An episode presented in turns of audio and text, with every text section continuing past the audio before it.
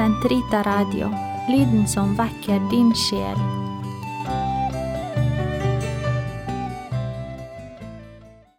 Den katolske kirkes katekisme, uke 22, fredag, paragraf 2044 til 2051. Moralliv og misjonsvitnesbyrd. De døptes trofasthet er grunnforutsetning for forkynnelsen av evangeliet og for Kirkens misjonsgjerning i verden. For å vise menneskene sin sannhets- og utstrålingskraft må frelsens budskap stadfestes ved det vitnesbyrd de kristne avlegger ved sitt liv. Det kristne livs vitnesbyrd og gjerninger gjort i en overnaturlig ånd, utgjør for mennesker en mektig tiltrekning til troen og til Gud. Siden de kristne er lemmer på det legemet hvor Kristus er hodet, bidrar de, ved fasthet i overbevisning og livsførsel, til å bygge opp Kirken.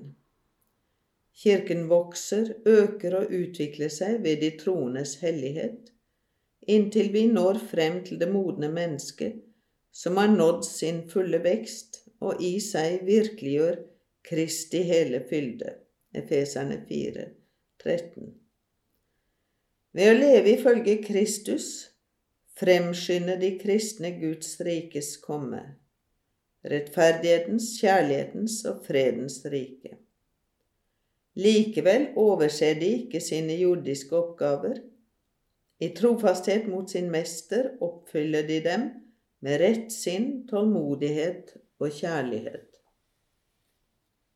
Kort sagt Morallivet er en åndelig gudstjeneste. Kristnes handlemåte finner næring i liturgien og feiringen av sakramentene.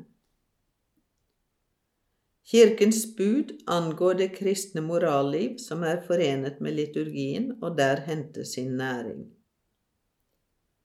Kristnes, kirkens hyrders læreembete i moralspørsmål utøves vanligvis i trosundervisning og forkynnelse på grunnlag av dekalogen som knesetter morallivets prinsipper, prinsipper som gjelder for alle mennesker.